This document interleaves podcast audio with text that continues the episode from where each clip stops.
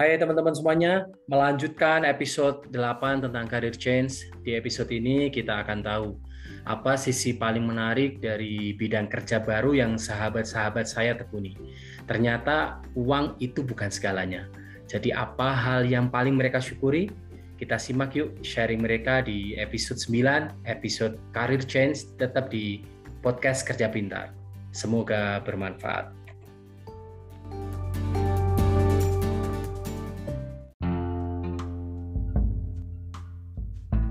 Kalau boleh tanya, apa sih sisi menariknya atau sisi asiknya lah ya?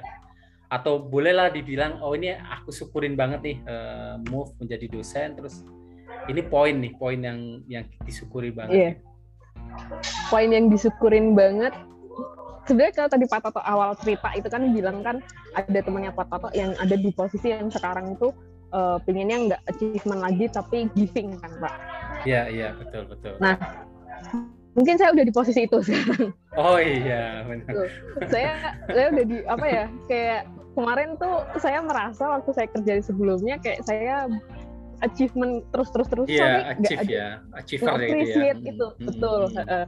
dan itu saya lelah pak jujur aja hmm. hmm, hmm. mental breakdown dan lain-lain nah hmm. kebetulan pas saya apa ya saya pernah baca quote apa what what is seeking apa what is bentar saya lupa namanya tuh tadi saya udah catet what you seek is seeking you jadi kayak hmm. apa sih uh, yang yang yang kamu mau ojek tuh pasti akan nyari kamu juga gitu kan. Yeah, yeah. Kalau misalnya memang itu takdir kamu gitu kan. Nah, yeah, kebetulan yeah. saya merasa seperti itu Kak. Kalau waktu saya ngambil dosen kayak semua jalan dipermudah gitu hmm, dan istilahnya dari dulu saya hmm. juga suka ngajar kan, suka kayak ngasih tutor ke teman-teman kayak yeah, apa yeah, gitu. Jadi yeah, kayak, yeah. ya itu Pak. Oke oke. Oke, berarti benar-benar ya. Uh, emang benar sih giving sama sharing tuh jauh lebih membahagiakan sih memang. Benar-benar sih itu. Oke, okay. yeah. oke. Okay, sekarang kalau Mas Fredo ini mungkin bisa panjang sih. Asiknya pasti banyak sih kalau Mas Fredo. Banyak banget Pak Fredo. mungkin ini dunianya benar kali ya. Gimana Mas Fredo? Tapi bolehlah tetap tetap komen lah di asiknya apa nih. Asiknya tuh sebenarnya aku tuh life changingnya gara-gara ini teh, uh, Pak. Uh, apa sih mata kuliah sosial entrepreneur itu. Oke. Okay. Karena aku sempat ikut lomba juga kan sama teteh-teteh itu juga bersama tim aku ini gitu. Oke. Okay. Itu apa sih sosio sosio entrepreneur ya? Sosial entrepreneur. Iya, sosial entrepreneur, sorry. Ya. Kebetulan kita bertiga kelas sosial semua. Oh, iya. oke oke. Oke oke bener-bener ya. Uh, sorry sorry ingat-ingat ya. Uh, kita sama-sama operation tapi barengnya project management ya. Project management kita bareng bertiga kan. Terus Kalau per... sama Devin minor sosial. Ya? Minornya ya? sosial. Kalau yeah, per performance yeah. management ada yang ngambil? Iya. Sama Grace juga kan. Oh iya iya. Berarti yang bareng project management performance management ya. Tapi yang uh, terakhir apa business modeling ya? Oh iya, itu enggak. enggak. Kita, iya. kita sosial entrepreneur. Iya, iya. Itu. Kita anaknya sosial, Pak. oke, tapi bagus sih. Oke, oke, lanjut, lanjut. Sorry, nah, sorry. Ya, aku potong. Gara-gara mata kuliah itu yang sebenarnya paling life changing sih. Jadi kepikiran apa yang bisa kita kasih ya untuk merah putih gitu istilahnya. Wah. Untuk di sekitar dulu aja. iya, nah, hebat, hebat. Dari satu brand ini yang tadinya si orangnya bisnisnya bangkrut lah ya, terus bikin brand F&B Batagor gitu. Bener-bener dari nol, Pak, gitu hmm Nah, mm-hmm. jadi do bisa bantu nggak gini-gini kan kamu kayak rajin banget konten gitu ya. Ya udahlah mm-hmm. saya bantu gitu. Akhirnya aku belajar bener-bener uh, online marketing ya gitu sampai akhirnya tiap minggu aku ikutin kelas Pak, kelas dari luar ya. Uh, I, I apa namanya I seller, I institute, terus mm-hmm. uh, dari semua influencer Raditya Dika semua aku ikutin kalau dia buka kelas gitu. Kelas cerita ya istilahnya bikin karena aku emang lumayan tertarik karena emang karena uh, dimensi audiens sama customer gimana gitu istilahnya. Tapi iya, gara-gara yeah, yeah. itu akhirnya benar kata uh, Pak Toto sama Devin gitu. Maksudnya ketika kita bisa membantu orang lain gitu tuh kebahagiaannya teh lebih besar dari si uangnya tersebut. Iya betul betul. betul. Walaupun waktu itu nggak dikasih sampai berjuta-juta dari satu brand itu bisa akhirnya dia bisa buka cabang lagi terus bisa jualannya sold out terus terus kalau lagi lagi apa lagi ada problem do lagi sepi nih ya udah aku bikinin program yang biar rame gitu sih bisnisnya berisik aku mm -hmm. muter otak oh bisa rame ternyata apa pun yang kita usahakan atau apa yang kita renungkan, apa yang kita dedikasikan, apa yang kita kerjakan tuh bisa banget uh, growth gitu sebenarnya. Mm-hmm. Akhirnya ya udah dari me menyelesaikan masalah satu-satu dari satu brand datanglah brand-brand lain. Yang menariknya adalah ketika jadi content creator mungkin orang ngelihat aku lagi main gitu padahal aku lagi kerja gitu sebenarnya. Mereka lihat aku tiap hari posting di kafe padahal aku lagi kerja gitu. Menariknya gitu punya kebebasan untuk travel tapi dibilang kebebasan waktu aku nggak bisa sebut iya. Karena hmm, sebenarnya ya. aku kerja terus. Sampai malam-malam juga ya. orang yang bisa 9 to 5 aku mau tidur tuh kepikiran bikin apa lagi ya apa yang iya, ada betul, betul. ya besok apakah 17 Agustus? Aku udah bikin campaign 17 Agustus belum ya? Gitu. Mm -hmm, jadi mm -hmm, tanggal merah tuh nggak ada buat kita gitu istilahnya. Mm -hmm, yeah. jadi, apalagi brandnya banyak kan jadi nggak iya, brandnya gak, banyak. berpikir linear gitu satu dua yeah, doang gitu kan. Betul betul. Mm. ketika brand banyak aku pusing gitu ya harus bikin yang sama tapi kampanyenya beda gitu. Produk knowledge-nya beda semua gitu istilahnya. Mm -hmm. jadi memang akhirnya bikin sistem gimana supaya kita nggak burn out lah ya. Jadi emang dari sebulan sebelumnya udah aku bikinin gitu enaknya. Jadi udah makin lama yang tadinya awal-awal mepet udah sebulan sebelumnya udah santai gitu. Jadi lebih fokus ke gimana memperbaiki si konten gitu-gitu. Tapi asiknya itu sih bisa travel ke mana aja mau di Bali mau di mana gitu istilahnya gitu. Iya iya. Itu itu bagus sih kalau misalnya di time management ya mas ya. Biasanya orang sebutnya kuadran dua ya atau kuadran hmm. ya. Atau kadang-kadang kita ngomong me time gitu. Jadi ketika kita fokus pada sesuatu yang important tapi nggak urgent itu kita benar-benar jadi lebih produktif yang tadi kayak tadi ya. Jadi untuk apa uh, horizonnya panjang ya satu bulan ke depan kita udah susun dari sekarang gitu. Jadi yeah. seolah-olah kita orang yang nyantai tapi sebenarnya kita kerja keras hanya saja untuk untuk horizon lebih panjang gitu. Itu bagus banget ya masih muda-muda udah udah canggih-canggih. Oke Mbak Grace sekarang deh, di mana asiknya di mana Mbak Grace di BI? Apa nggak asik semua atau pak yang bisa disyukuri lah di, di, di, asik, Pak.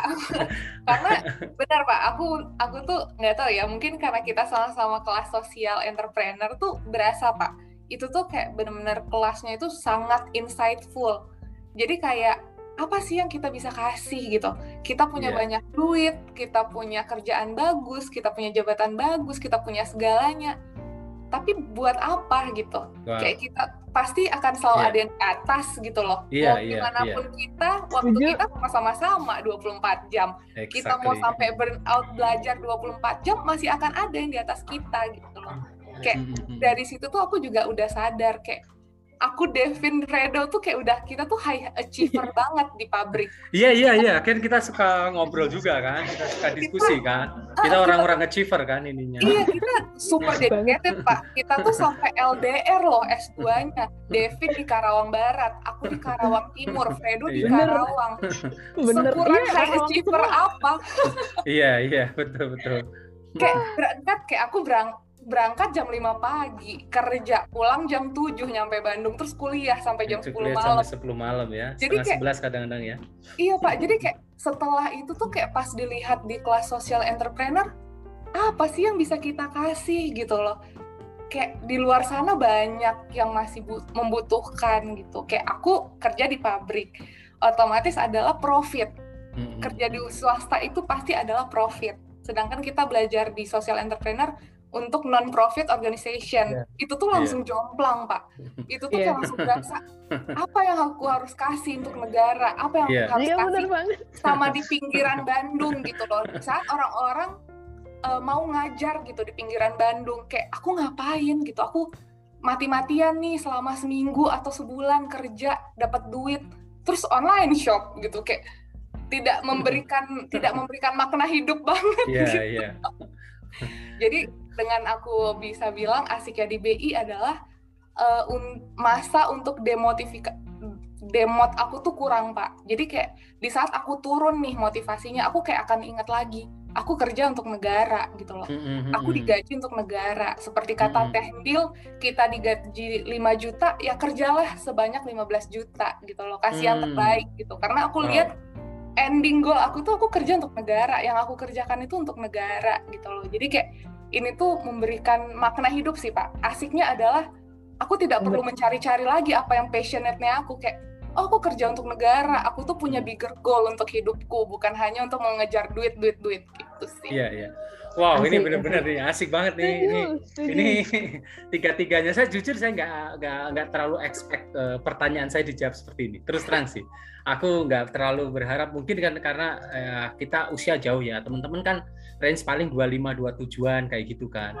Nah, uh, apa aku pikir ya artinya kan oh ini keren nih ini. Jadi uh, fokusnya ke diri gitu. Ternyata nggak juga gitu gitu Nah, tapi benar juga sih, memang bagaimanapun sharing dan giving itu ya ya sangat sangat membahagiakan gitu. Ya termasuk sebenarnya jujur aja nih, eh, setelah S2 itu aku kan kayak gimana caranya bikin podcast gitu kan. Awalnya kita bikin di YouTube kan bareng Mas Fredo juga. Itu salah satunya gitu. Jadi apa ilmu yang kita pelajarin biar biar bermanfaat gitu ya. Terus eh, sebelumnya juga ini sharing juga aku kerja di multinational company uh, mostly ya habis mungkin berapa tahun ya uh, 12 13 tahun tuh di multinational 12 tahun lah di multinational company kemudian move ke multinational company tapi dari Indonesia itu salah satunya. Nah, salah satunya itu kapan sih aku memberikan sesuatu buat Indonesia gitu? Kemarin-kemarin aku uh, apa namanya pinter tapi di dipinterkan oleh orang lain. Boleh apakah boleh? Ya boleh itu gitu tapi saatnya kan aku juga ngasih buat buat yang terbaik dari yang perusahaan dari Indonesia itu. Ini menarik banget. Aku nggak expect jawabannya itu, tapi tapi bagus banget nih beneran. Itu ada uh, juga pak orang yang bilang kayak, aduh itu klise banget gak sih ngomongnya kayak hidup buat negara bla bla bla bla. Tapi but it's true gitu. Itu yang kita rasain gitu. Iya, iya. Oh ya. Nah, sekarang kalau teman-teman sebenarnya memandang karir ya sebagai eh, generasi Z itu seperti apa sih? Uh, maksudnya ya tadi ya mungkin boleh dikombin dengan tadi ya. Eh, memandang sebuah karir itu uh, hanya achiever atau apa pun gitu tapi bolehlah di, di di sharing lah. Mungkin ada beberapa hal yang mungkin mirip dengan pertanyaan yang tadi ya tapi aku pingin pingin tahu sih sebenarnya uh, teman-teman memandang karir itu kayak apa gitu. Mbak Grace dulu deh sekalian. Karir. Hmm, karir itu menurut aku mengisi waktu sih pak. Enggak sih bohong ding. Maksudnya karir itu kan ya tidak bisa dibungkiri kita kan kerja untuk hidup ya pak. Mm-hmm. tapi tidak uh, hidup untuk kerja. Itu itu adalah kata-kata yang perlu dirunungi semua orang gitu. Iya yeah, iya yeah, iya. Yeah. menurut aku tuh kerja adalah kita memberikan ke yang kita bisa gitu Pak. Buat apa sih kita S1, buat apa sih kita S2 kalau misalnya hanya dikip saja gitu. Bukan berarti kayak orang-orang oh saya habis ini ibu rumah tangga. Enggak loh, dia bisa ngasih ke anaknya. Dia bisa ngajarin orang-orang kayak di sosial entrepreneur tuh dia ngajarin loh ke orang-orang yang kayak di pinggiran Bandung. Kita bisa ngasih lebih gitu. Menurut aku tuh hmm. karir itu kita giving ke orang sih, Pak Hmm, hmm, Maksudnya hmm. mungkin di awal aku yakin pasti yang anak-anak baru lulus pasti idealisme lah. Wah, gue harus di multinational company. Wah, gaji gue harus segini. Gue harus jabatannya ini gitu. Tapi makin ke sini ya walaupun kita baru tiga tahun ya Pak, beda dengan Pak Toto experience-nya. Yeah. Tapi tuh um, menurutku dengan kita mengambil S2 kemarin tuh bukan hanya tentang ilmu, kita ngambil karir juga bukan hanya sebagai dengan karir gitu. Apa yang hmm. kita dapat itu adalah insight, Pak. Iya, iya, iya. Bagaimana insight dari S2? Kalau ditanyain aku, apa sih yang kamu dapat dari uh, eh, S2? Apa sih materi akuntansi? Aku nggak ingat, Pak terus apa sih materi dari Honda yang kamu dapat aku juga nggak inget gitu tapi yeah. kan insight-insight kayak apa yang aku dapat dari social planner apa mm. yang aku dapat dari decision making sama pressure di Honda itu aku bisa mm. jadi pembelajaran hidup untuk ke depan sih Iya, iya, iya, betul, betul. Jadi betul. kayak menurut aku karir itu uh, the way untuk kita mengembangkan diri. Oke oke, ya setuju banget sih. Kalau sekedar hanya untuk belajar ilmu ya kita baca buku sama lihat di YouTube juga banyak kok gitu. Gitu. Jadi maksudnya bener banget tuh. Pas kita diskusi ya mungkin Mas Fredo inget ya pas kita diskusi sama Mas Alfi juga juga bilang gitu. Kalau misalkan cuma itu aja yang didapat ya buat apa gitu sebenarnya. Oke oke. Sekarang Mbak Dev deh, Mbak Devin eh, gimana nih?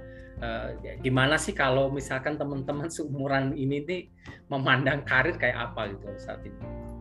Kalau saya tuh jujur aja cuma satu sih Pak. Saya pengen jadi panutan buat anak saya atau wow. generasi yang lain. Udah itu. Iya iya iya. iya. Kayak apa ya?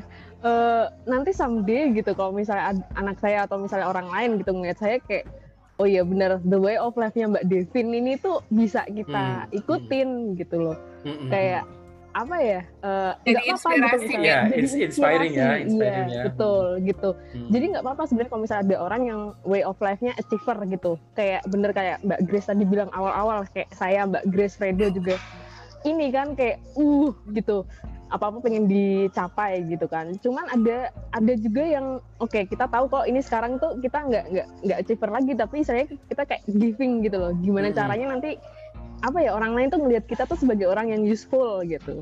Mm-hmm. Nah sebenarnya karir menurut saya buat itu pak gitu. Nggak apa-apa untuk mengembangkan diri juga gitu. Apa uh, misal saya jadi di dosen gitu kan. Saya kan nggak nggak terus-terusan jadi dosen gitu kan. Maksudnya saya juga bisa jadi apa namanya siapa tahu gitu kan siapa tahu gitu saya bisa buka ini sendiri gitu kayak freelance sendiri atau apa atau apa gitu. Itu kan juga pengembangan diri saya juga kan gitu. Iya, cuman betul, betul. base nya adalah way of life-nya adalah supaya jadi panutan udah. Wow. Wah hebat hebat nih insight-nya. Oke okay, thank you thank you mbak Dev. Uh, Mas Fredo sekarang ya. Oke okay, pak. Uh, kalau aku lumayan bingung sih karena aku pernah di titik untuk berkarir tapi bingung gitu mau berkarir ke mana gitu sebenarnya. Karena lumayan ini ya aku lumayan kayak pingin ini pingin itu lumayan suka lihat orang lain kok kayaknya enak ya jadi misalnya jadi konsultan gitu ya di big four gitu ya gitu kayaknya salarynya gede karena salarynya ternyata dia lembur terus bisa kayak zombie gitu pulang jam 4 nanti jam 9 udah masuk kerja lagi. Terus akhirnya aku lihat oh dia enak ya traveling terus. Oh ternyata dia tour guide gitu. Terus jadi aku bingung sebenarnya kar karir tuh kayak gimana sih? Jadi aku hmm. sendiri wonder gitu. Tapi waktu aku hmm. akhirnya mencoba ini ya karir tuh nggak selalu harus naik ke atas gitu pak. Yang tadinya aku hmm. jadi junior engineer terus jadi senior terus jadi GM apa. Tapi karir juga bisa ke pinggir. Aku bisa mm-hmm. jadi engineer terus bisa juga jadi content creator terus bisa juga bikin bisnis terus bisa jadi konsultan bisa juga sebagai ayah bisa jadi banyak hal berkarir itu. Jadi nggak bisa dibatasi. Kamu tuh cuma boleh satu gitu. Aku mikirnya jadi gitu. Ya ya kenapa kita membatasi diri kita sendiri dengan satu hal aja? Karena kan kita tuh hidup harusnya terus bergerak kan si Einstein pernah bilang ya supaya bisa balance tuh kita harus terus terus bergerak. Yeah, makanya yeah, betul. bilang uh, keluar dari comfort zone. Sebenarnya bukan keluar dari comfort zone. Kalau udah nyaman kenapa keluar? Sebenarnya untuk apa ya mengembangkan potensi kita. Jangan terlalu nyaman gitu karena kita harus terus bergerak gitu sebenarnya.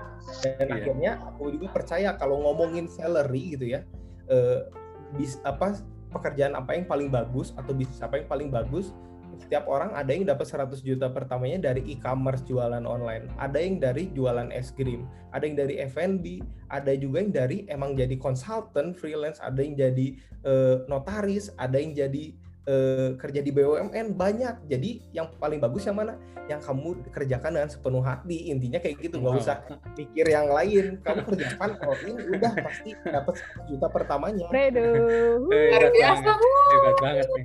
Ini tepuk tangan mesti di mana nih? Iya, bagus banget tepuk sih. Tepuk tangan guys. ya bagus banget ya, uh, bener sih. Ya kayak orang, kalau aku sih ngambil ngambil mungkin perumpamaan analogi kayak orang manjat pohon kelapa ya.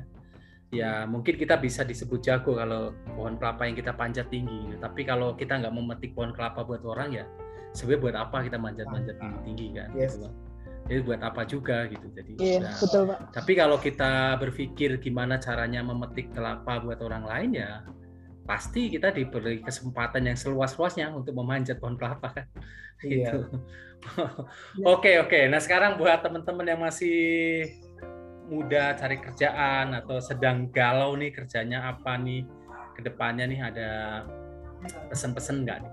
Ini nggak kerasa loh ini udah lama juga nih ngobrolnya. Iya. Dari Mas Fredo deh uh, message-nya buat teman-teman yang yang mungkin muda-muda masih cari kerja atau masih belum punya jati diri nih? Iya, uh, kalau aku ya simpel aja sih, mumpung masih muda, under 30 gitu ya, habiskan ya jatah gagal. Kalau ada opportunity apa gitu ya, uh, ada pekerjaan yang kayaknya masih kecil gitu, startup gitu kalau kamu diterima dan dikasih kesempatan, kesempatan yang paling penting itu ada kesempatan, ambil aja dengan sepenuh hati.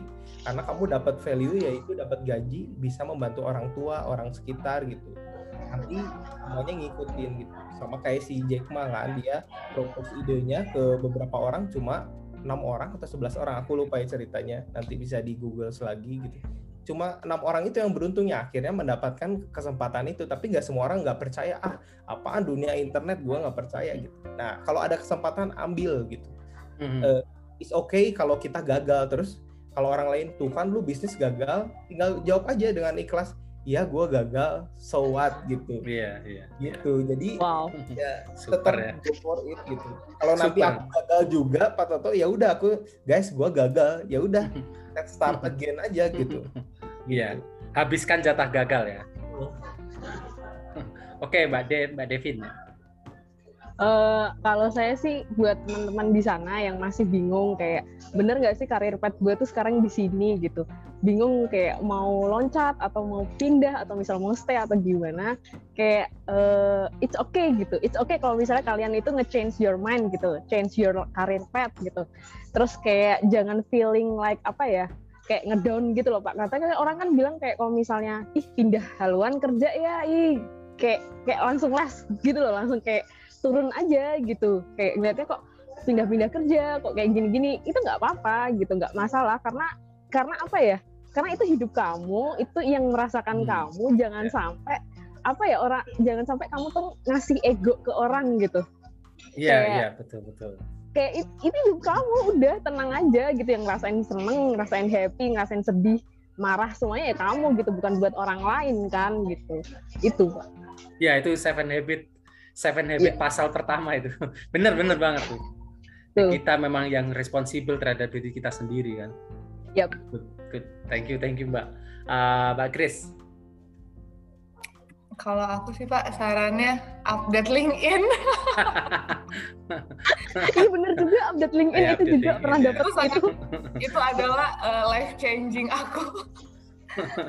Jujur aja maksudnya uh, kalau pemilihan karir ya pasti masing-masing kayak kata Devin kan ya udah tanggung jawab masing-masing dan ikutilah kata hati gitu loh. Nggak usah takut keluar dari zona nyaman. Kalau mau baca buku dari Pak siapa ya yang Blue Ocean Strategi ya gas ya, aja betul. gitu kayak apa pun yang terjadi kayak akan ada jalan Tuhan nggak sih ke sana gitu wah jadi religi ya tapi Bener. tapi memang bisa tapi memang kalau misalnya pengalaman aku pak di saat aku pasrahkan sesuai dengan jalan Tuhan aku selalu mendapatkan yang lebih baik dari yang aku harapkan gitu jadi hmm.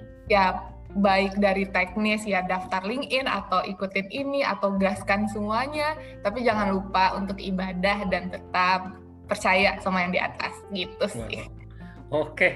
sip sip, yes. thank you thank you, super banget nih ya, obrolan kita malam ini. Ini sebenarnya masih asik nih dilanjutin teman. Kita hampir sejam ya, hampir sejam nih. Mm. durasinya kepanjangan. Karena seru ya, Pak. Iya, seru udah lama juga kita diskusi-diskusi kan. Iya. Ya, mudah-mudahan nanti kita bisa sambung lagi ya di tema-tema yang lain ya. ya uh, sekali lagi thank you banget nih Mbak Grace, Mbak Devin, Mas Fredo, sukses buat uh, pekerjaannya dan yang paling penting Amin. bermanfaat buat orang lain ya. Oke, okay, thank you, thank you semuanya. Makasih, makasih teman-teman. Sama-sama, Pak Toto. Makasih, bye.